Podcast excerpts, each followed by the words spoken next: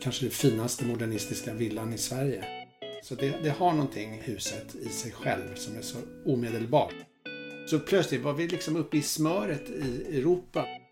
Det här är Architecture Talks, där jag, Mimmi Strömbäck, möter våra mest framstående arkitekter för att höra om deras resa och syn på arkitektur. Idag träffar jag Mikael Bergqvist som med sin djupgående expertis inom Josef Franks verk är en av de mest pålästa personerna som jag känner. Vi diskuterar tankegångarna bakom den komplexa utbyggnaden av Svenskt Tenn, hans fascinerande arbete med Josef Franks ikoniska villor och hur han applicerar sina erfarenheter både i sin egen arkitektur och i sin roll som lärare på KTH. På podcastens Instagram Architecture Talk kan du se bilder på allt det vi pratar om i avsnitten. Så glöm inte att även gå in och följa där. Hej Mikael Bergqvist och välkommen till Architecture Talks. Jag måste säga att jag är lite nervös att intervjua dig idag i och med att jag är van att bli bedömd av dig eftersom du har varit min handledare på KTH. Det ska nog bli bra. Jag tycker att det är lite intressant. Lite nya roller. Och nu är vi ju inte i skolan. Precis. Att, ja. Vad ska du göra i sommar? Jag har en väldigt oplanerad sommar. Eh, men en sak som vi ska göra är att eh, vi ska vara i Falsterbo-familjen och har fått eh, förmånen att hyra ett av de här Josef Frank-husen, Villa Karlsten, en vecka. Det är vår fasta punkt i sommar. Fantastiskt. Det ska bli jätteroligt. Jag har ju jobbat med huset och gjort renoveringen av det och har intresserat mig jättemycket för huset. Så att det är väldigt speciellt att också få tillgång till det och bo där. Eh, och eh, se när solen går upp på morgonen och hur solen rör sig över dagen, hur huset fungerar. Eh, det är ett jättelitet hus som du vet. Det är ju bara 70 kvadratmeter på mm. marken. Men det är fantastiskt stort på något mentalt sätt. Och, och ja, det fungerar över dygnet på ett väldigt intressant sätt. Och måtten i huset, när man är där och bor där, det är då man upplever dem fullt ut. Eh, och det är ju litet och jag är lång men det fungerar på något fantastiskt sätt. Det, jag, har inte, jag har inte stött på någon faktiskt som har kommit in i huset och, och liksom fått ett stort leende på läpparna. Eh, så det, det har någonting huset i sig själv som är så omedelbart också. Otroligt. Ja. Det måste ändå vara häftigt att få bo i ett hus som du själv har arbetat med och sen även i och med att du har arbetat så himla mycket med Josef Frank. Och du har skrivit både böcker, gjort utställningar, du har ju även gjort utbyggnaden av Svenskt Tenn och då arbetat med mycket av hans projekt. Och sen såklart har du gjort hur mycket andra projekt som helst. Hur eh, disponerar du din tid mellan allt det här? Eh, jag är ju lärare på KTH som du sa och eh, där är jag 40 procent, alltså två dagar i veckan. Eh, sen så har jag mitt lilla kontor och det kanske verkar som jag gör jättemycket olika saker hela tiden men, men basen i det jag sysslar med är att ha mitt lilla arkitektkontor och göra vad ska jag säga, normala arkitektjobb där. Eh, alltså rita hus, rita om eh, hus, eh, gör tillbyggnader, gör ombyggnader. Det är liksom mitt, min normala sysselsättning. Sen så uppstår det ibland situationer och projekt som eh, jag jobbar med eh, som, som kan vara böcker. Jag jobbar med två olika böcker nu. Eh, det kan vara utställningar, det kan vara eh, saker som jag skriver. Eh, och då försöker jag liksom passa in dem på något sätt. Det är inte alltid så lätt men, men jag gör det för jag, jag tycker det är kul och utvecklande. Och eh, jag, eh, jag gillar den där blandningen. Mm. Men det är inte som att varenda dag gör jag tre olika saker. Utan Nej. det normala är liksom att jag sitter och jobbar faktiskt ganska mycket. Mm. som, en, som vem som helst som är arkitekt. Vad jobbar du med nu då? Nu jobbar jag med, eh, det här är ju en, en, jättehektisk tid på året så nu ska, håller jag på med två olika projekt på västkusten som jag ska visa för kunder bara här, i denna veckan. Eh, sen försöker jag eh, göra färdigt eh, andra saker som jag har påbörjat, ska lämna in bygglov på. Sen mitt, ett stort omfattande projekt, jättespännande, fantastiskt som jag håller på med är ju renoveringen av Villa Vettje också. Mm. Eh, och det är ju det största Också huset. Ja, det största huset som Frank ritade i Falsterbo eh, från 1936. Och eh, det är ett hus som har fått konstigt lite uppmärksamhet i Sverige och, och jag vill påstå att det är kanske det finaste modernistiska villan i Sverige. Eh, och det, det Wow. kommer bli helt fantastiskt. Den har varit, på 70-talet fick man ju bidrag för att energiisolera hus i Sverige. Mm. Så, och det gjorde ägarna till det här huset också. Eh, Mm. De klädde in det med plåt och tilläggsisolerade, bytte alla fönster mot isolerglas. Det var ju träfönster innan. Mm. Eh, Så att huset utvändigt ändrade väldigt mycket karaktär eh, och, och var nästan svårt att känna igen. Men invändigt var det sig likt från det det byggdes. Och nu så återställer vi det både invändigt och utvändigt. Och det, huset kommer få en rosa slätputs. Och det var det det var tidigare också? Ja, och eh, alla träfönster med, med de delningarna som fönstren hade ursprungligen eh, kommer tillbaka också. Så bara det blir jättehäftigt. Fantastiskt. Det måste vara väldigt svårt att arbeta med den här typen av projekt ändå, när du behöver förhålla dig till de här nya standarderna som har kommit efter. Eh, Det är ju därför som de gjorde den här renoveringen tidigare, tänker jag. Ja, nej men det där är, är ju en eh, intressant eh, fråga att eh, jag menar så fort man börjar jobba med befintliga miljöer, befintliga byggnader så uppstår just den, de här frågorna också som du, som du ställer nu. Eh, och det är ju inte alltid självklart och så lätt att säga hur man ska förhålla sig. Eh, jag tänker att dagens krav i den mån de går att tillgodose är ju rimliga. Men sen är det då en utmaning i att försöka kanske dölja nya installationer, att, att få saker och, och eh, ja, det, det det kommer följdfrågor hela tiden. Mm. Och i det här fallet så är det en familj som faktiskt ska bo här. Det, blir, det är inget museum som det här ska bli.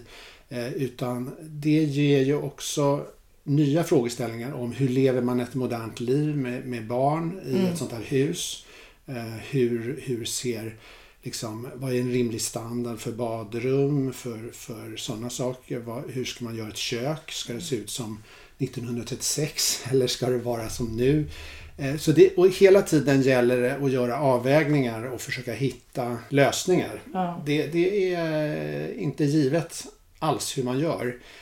I det här fallet så har vi haft mycket stöd i eh, originalritningar som vi har fått tillgång till och eh, annat material. Eh, också olika personliga foton och saker Mm. som, som har kunnat liksom visa på hur det en gång var. Eh, Så kan man relatera det mot krav kanske på, på moderna funktioner. Så att, nej men det blir spännande. Jag hoppas att vi, vi liksom får ihop pusslet. Men det, Det kommer ni få. det är många bollar i luften så att säga. Men är kundens önskemål då att restaurera det till så Ja, som det var ja. innan? Kunden är fantastisk på det sättet att, att eh, har jättehöga ambitionsnivåer eh, eller ambition med projektet och, men också naturligtvis eh, liksom eh, är en modern människa som lever här och nu och som, Mm. som vill eh, liksom ha ett vardagligt vanligt liv i det där märkvärdiga huset men som Mm. egentligen inte är märkvärdigt i den bemärkelsen att det, att det ska liksom att det pockar på uppmärksamhet utan huset är samtidigt på, ett märkligt sätt liksom bakgrund Mm. och vill inte var, stå för mycket i, i centrum tror jag man kan säga. Mm. Eh, så att det, det är ganska enkel detaljering till exempel. Det är, ganska, det är liksom eh, väldigt enkel färgsättning. Planen är ju lite speciell. Ja, den är jättespeciell och, och den är ju för den som inte har sett den så kanske man kan beskriva det som det, det, det är egentligen huvuddra, huvuddelarna är i ett plan som ligger väldigt lågt på marken. Men sen finns det som en sovrumsvinge kan man säga Mm. som är några steg upphöjd och blir liksom som en privat del i huset. Men sen sällskapsutrymmena grupperar sig runt en dubbelhög hall på olika nivåer och blir nästan som ett inre landskap som man rör sig mellan olika nivåer. Eh, och ut på takterrasser, eh, också mellan inne och ute genom stora glaspartier. Mm. Och, och så finns det en skyddad södervänd gård och på västsidan finns en uteplats. Och liksom, allt det här Mm. är på något sätt gjort med någon lekfull eh, dynamik som, som, ja, fantastiskt är det. Verkligen. Det är ju fantastiskt. Ja. Och det du pratar om nu är ju verkligen unikt för Josef Frank. Och det är många som arbetar på det sättet men han gör det i alla sina villor i princip. Ja, verkligen. verkligen. Nej, men vi var ju nyligen tillsammans i, i ett av eh, Franks största projekt, Villa Ber i Wien. Eh, och eh, det är ju det är ju mycket mer en lyxvilla än Mm. vad den här Villa Vettje var. Det var ju en sommarvilla. Eh, och Villa Ber, men, men det finns likheter i, i hur han har jobbat med hur man rör sig genom huset. Hur trappan och rörelsemönstret är liksom centrala i, i upplevelsen av huset. Och, Mm. och sen också de här diagonala siktlinjerna genom huset som också gör att huset blir ännu rikare och, och eh, mer eh, liksom sammansatt än om allting bara var som lådor, Mm. rummen var som lådor som låg bredvid varann. Precis. Ja, men han har ju en förmåga att få det att kännas väldigt stort. Just för att man har de här siktlinjerna och, men samtidigt så är det alltid någonting som gömmer sig runt hörnet på något sätt. Och även på sättet man upplever rum från olika vinklar och att alla rum har de här olika kvaliteterna. Och jag tänker mycket av det vävs ju även samman med interiören och med möbler och hans formgivning. Hur tänker du där? Hur är harmonin mellan hans möbelformgivande och arkitektur? Det fanns en, en diskussion i Wien när, när Frank var arkitekt, alltså i början, under 20-30-talen. Men också tidigare om, som handlar om hur mycket ska man som arkitekt kontrollera och hur mycket ska man som arkitekt vara konstnär. Eh, och det fanns ju en falang som eh, med Josef Hoffman och andra där man där konstnären var, liks- eller, vad säger arkitekten var eh, ett upphöjt geni, en konstnär som också kunde rita allt. Eh, rita huset, rita interiören, rita möblerna, rita besticken på bordet, eh, värdinnans klänning till och med.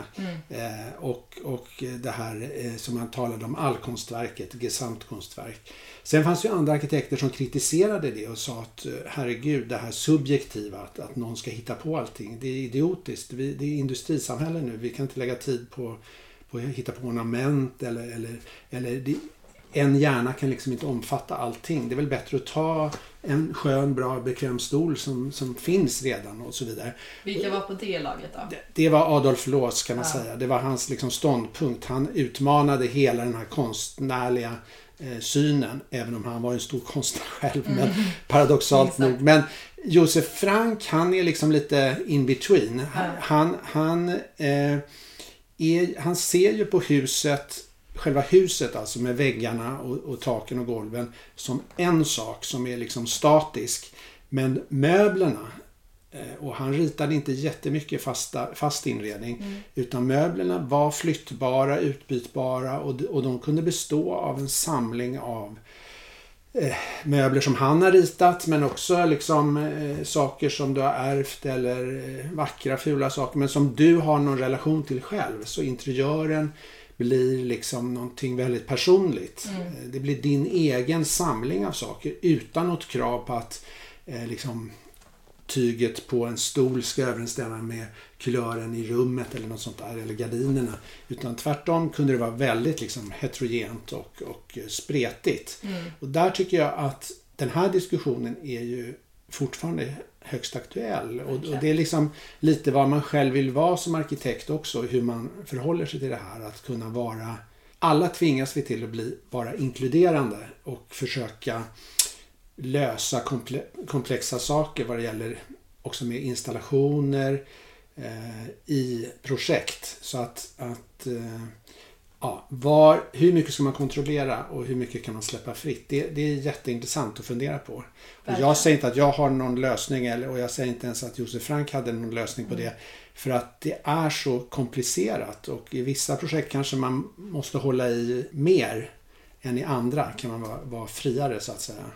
Eh, Men Josef Frank var ju eh, modernist och var ju ändå med i Siam. Och jag tänker ändå att hans arkitektur och formgivning skiljer sig väldigt mycket från de andra medlemmarnas där. Hur tror du att hans roll var i den konstellationen?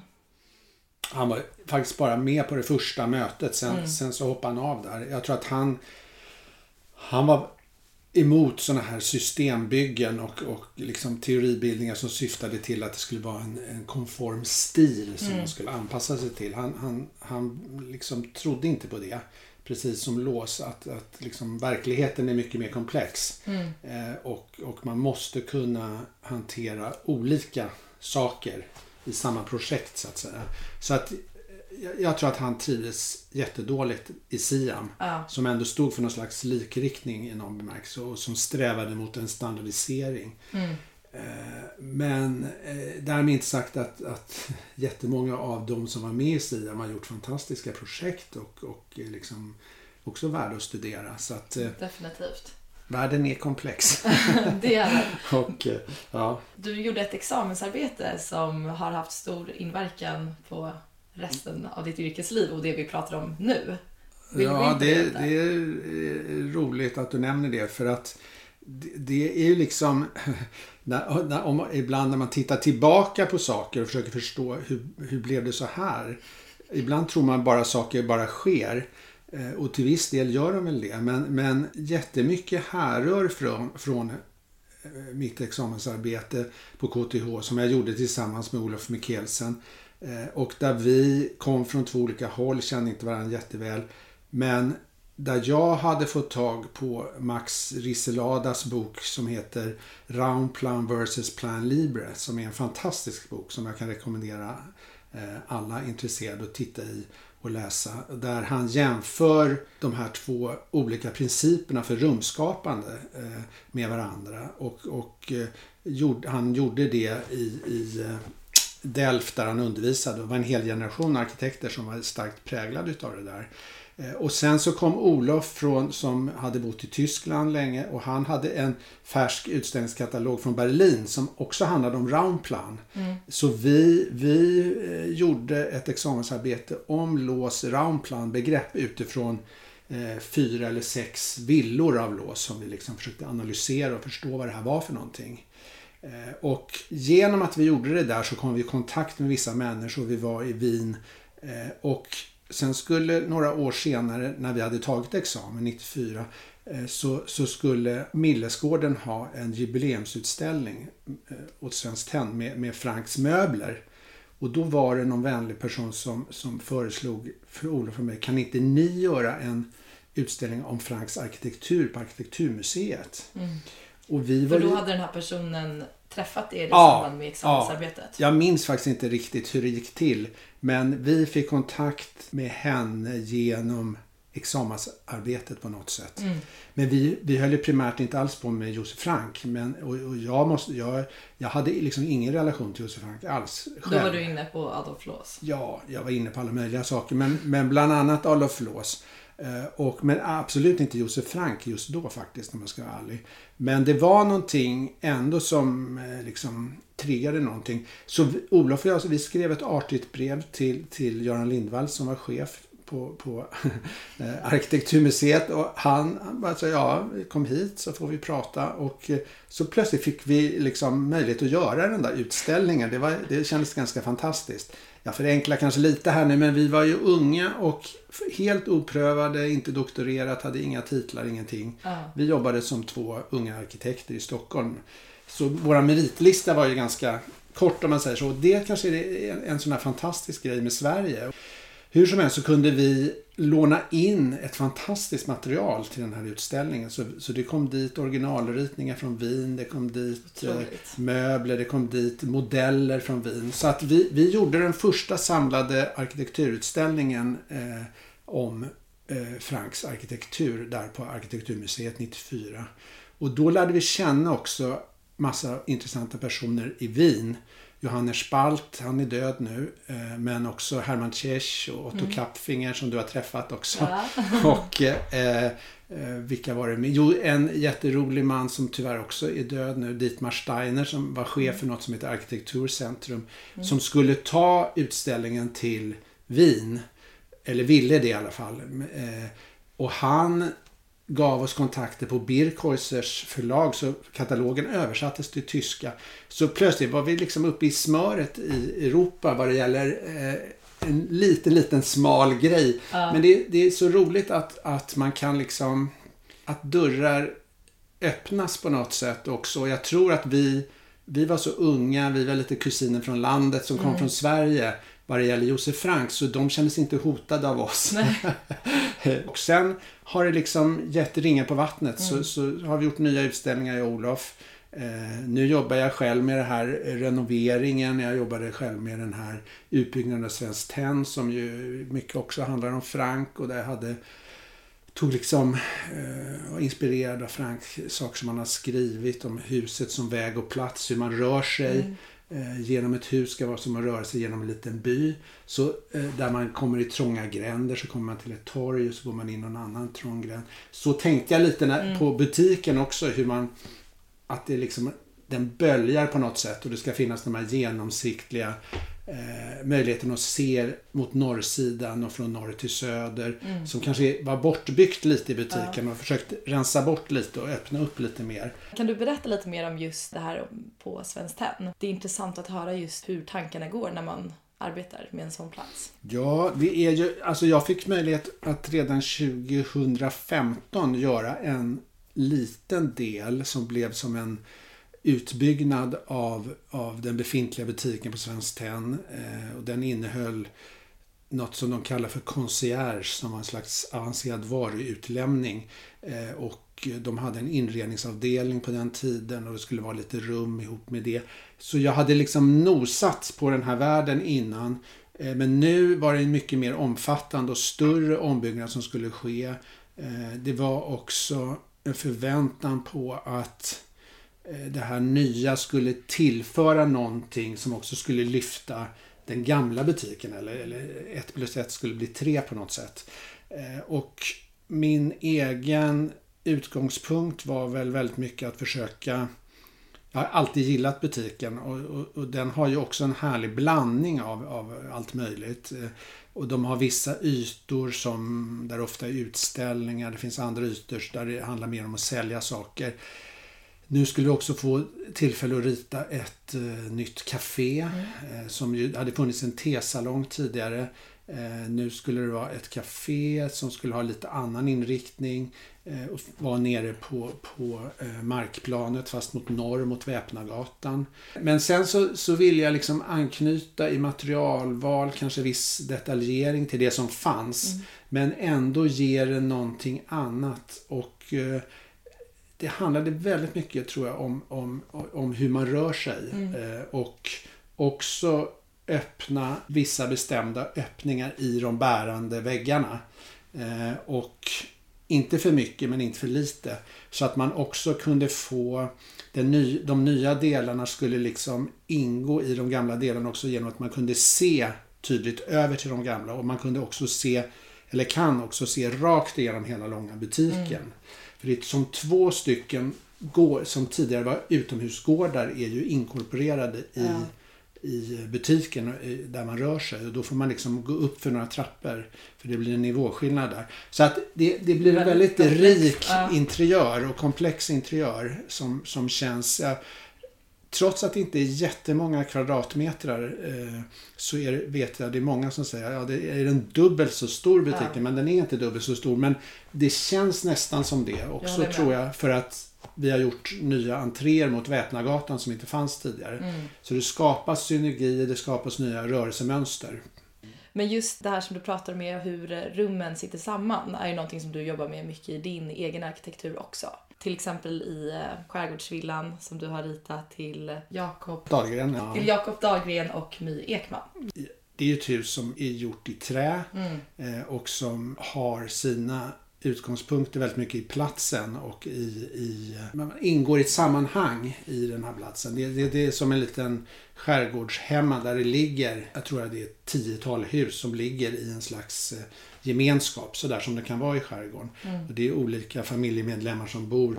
Så att huset ställer sig liksom i raden bland andra eh, hus. Inte att de ser likadana ut men till exempel var det helt naturligt att tänka att göra ett, ett sadeltak på huset.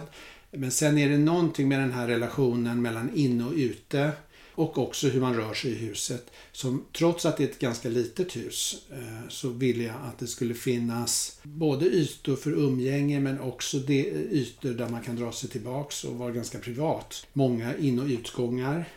Eh, och vi pratade mycket om det här med, med relationen mellan inne och ute och att inte göra stora skjutglaspartier som man ofta frestas till att göra utan istället jobba med fler eh, glasade dörrar, altandörrar nästan.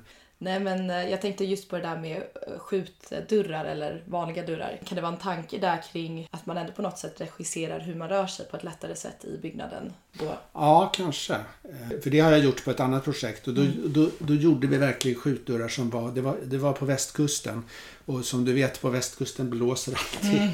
Och då handlade det om att där tog vi de största skjutdörrarna som gick att göra. Eh, och där går det att rulla undan dem eh, på tre sidor, nej vad blir det, två sidor av huset. Vad heter så, det här projektet bara? Så att eh, det är Villa M. Villa M. På, I Bohuslän. Mm. Och det är åt en familj som bor i London men som är på somrarna i Sverige och som ville ha både ett underhållsfritt hus men som också har hon, dottern i huset, har, har vad heter det, varit vid, vid den här platsen. Mm. Och känner till den väldigt väl och känner till förhållandena där. Mm. Så där handlade det mycket om att man skulle kunna sitta inne i sitt vardagsrum. Mm. Skjuta bort alla eh, de här partierna. Och då var man liksom inne ute väldigt ja. mycket. Och jag eh, var och besökte huset en gång i, i juli. En, en sån här underbar sommardag. Jättevarmt.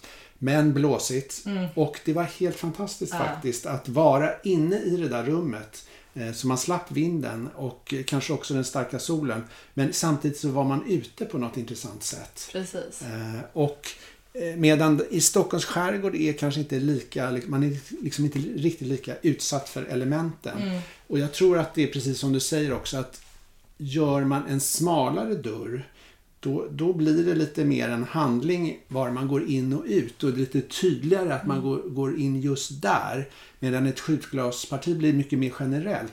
Men det här med trähus, det har ja. ju varit med dig också länge. Det går väl också tillbaks nästan till examen? Eh, ja, det gör det nog. Eh, jag, jag, kanske inte när jag, när jag studerade, men när jag väl sen skulle börja jobba, då fick jag jobb på ett kontor som inte finns längre. Eh, men som hette AOS. Eh, och eh, en av de delägarna där som jag fick tillfälle att jobba tillsammans med var Anders Landström. Anders är ju fantastiskt duktig på trä mm. och trähus och, och hur alla delar sitter ihop, hur, hur man jobbar med, med trä på ett kreativt sätt. Och det var ju som en ny värld som öppnade sig för mig när jag fick eh, rita liksom byggsnitt på, på eh, vi ritade tror jag två fritidshus ihop och Zorns textilkammare. Mm. Som, som också Anders fick träpriset för.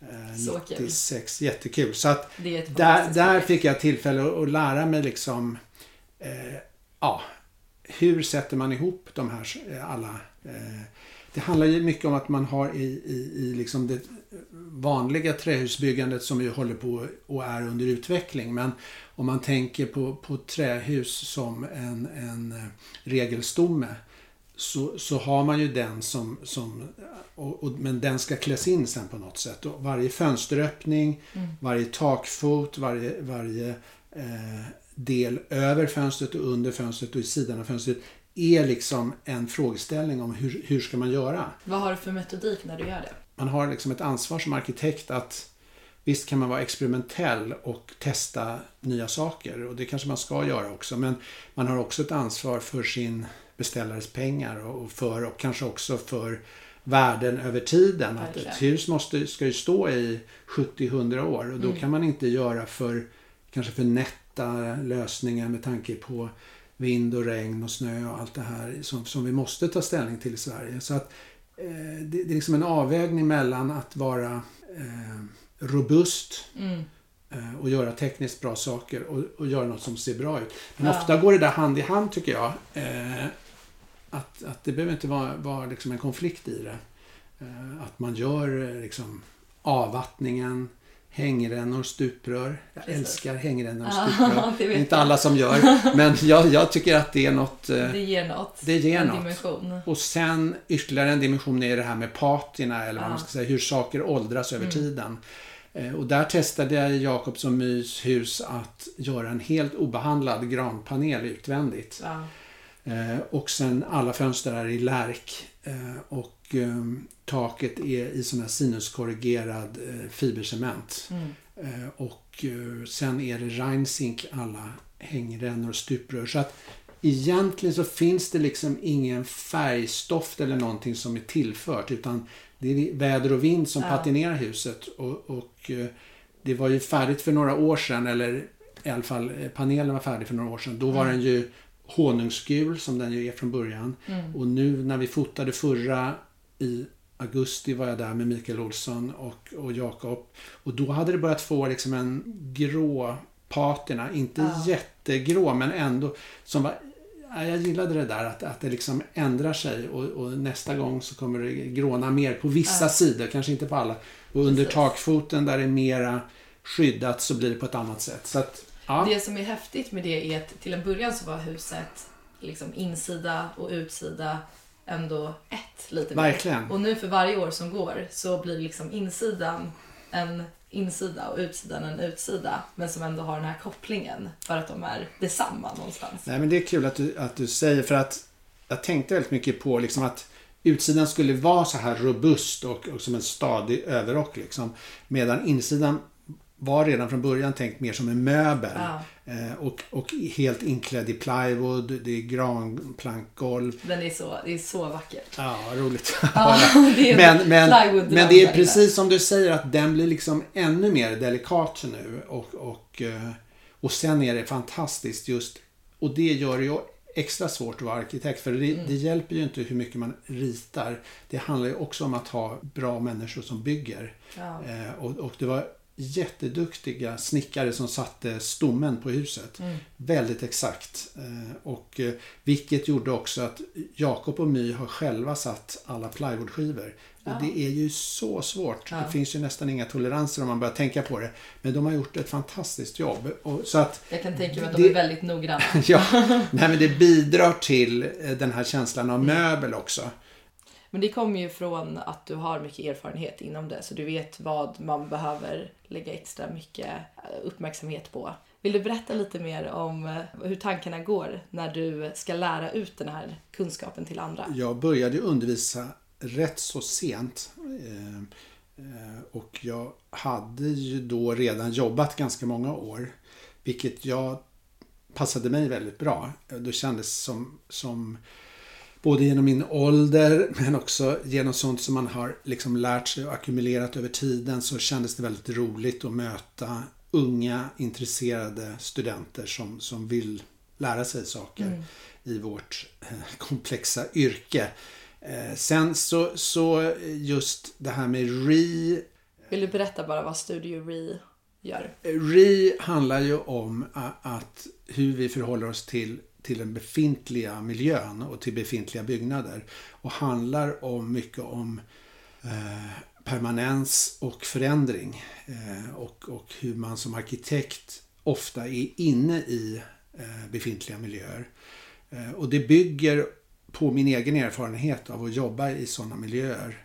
Och sen så var en väldigt rolig, lyckad matchmaking från skolans sida att para ihop mig med Tordis Arrhenius. För Tordis kommer med sin teoretiska eh, kunskap från sitt håll och, och jag med min mer praktiska kunskap. Det, det var hemskt kul att kunna starta upp någonting eh, som när vi startade studion för fyra år sedan var det ju det var en slags fortsättning på tanken att det skulle finnas någon restaureringsstudie eller, eh, på skolan. Eh, Men vi ville inte ha en sån studie som var liksom restaurering traditionellt utan vi ville mer förhålla oss till en, en situation här och nu eh, och hur man som arkitekt jobbar med de här svåra frågorna. Och som du eh, berörde med din egen fråga till mig om Villa Vettja, liksom med de här ja, hur gör man liksom? Mm. Och, och, och, vad kan man göra och vad kan man inte göra och så vidare. Ja, men det jag ville säga var också att det fältet låg liksom i periferin eh, när vi började studion. Och idag är det här frågor som alla håller på med ja. och som är superaktuella. Och eh, det rivs kvarter mitt inne i Stockholm. Jag är helt övertygad om att om de processerna hade satt igång idag så hade mm. man inte fått göra det. Nej. Och inte, inte ens vågat tänka de tankarna, de här stora Skanska och vilka det är nu som ligger ja. bakom. Så att det på ganska kort tid har det, har det skett någon slags eh, intressant eh, eh mindset har, har förändrats hos väldigt många. Mm. mm. Ja, det, det, är högst relevanta frågor. Definitivt. Där skolan har varit ganska dålig på att fånga upp det. Där, där skolan har jobbat väldigt mycket med att man ja, man ska göra helt nytt mm. på en parkeringsplats någonstans. Ska ja. man göra ett dagis. Liksom. Ja. Ingen kontext, ingenting utan bara här är ett program. Verkligen. Vi bryr oss nästan inte om programmet. Vi tittar ja. mer på, på husen, på strukturerna eh, och relationen till annat och försöker lära oss genom att närläsa det vi ser och det vi jobbar med. Det var det jag uppskattade så mycket med att gå i just den studion. Det var en stor skillnad från mycket av det andra jag gjort på skolan. Men om du skulle säga en byggnad i Stockholm. Du har jobbat med så många olika byggnader och ja, du har nog varit i tusentals byggnader i Stockholm. Vilken byggnad i Stockholm är det som är den bästa? Nu var det ju så att jag var och Samuel Lundberg, vi var ju värdar för de här Porto Academy eh, i Stockholm bara för en vecka sedan. Eh, och då visade vi runt alla de här trevliga studenterna och eh, lärarna runt i Stockholm. Så då fick jag ju tillfälle att se lite highlights av olika saker. Och, och det blir ju på något sätt som det är svårt att gå förbi de här mästerverken eller vad man ska säga. Vi var till exempel i Markuskyrkan mm. som var länge sedan jag var. Ja, helt otrolig. Vi var vid eh, Stadshuset, också fantastiskt. Mm. Helt fantastiskt. Och vi var på Karl Ells ateljé som också är fantastiskt fast ja, i en helt ja. annan skala. Så att det finns många fina byggnader i Stockholm. Eh, det finns faktiskt väldigt många fina byggnader i Stockholm och det är så kul när man har utländska gäster och också i det här, som i det här fallet när vi hade studenter också som kanske i vissa fall inte visste nästan någonting men som bara var nyfikna. Mm. Och de reaktionerna som man får är, är eh, överväldigande. Så att ibland eh, är vi nog lite blygsamma också. Jag tror det. Vi glömmer bort vilken vacker stad vi bor i och hur ja. mycket arkitektur vi har ja. runt här. Ja, man verkligen. behöver inte alltid åka någonstans Nej. Eh, för det. Om du hade tagit Porto Academy utanför Sverige, var hade du tagit dem då?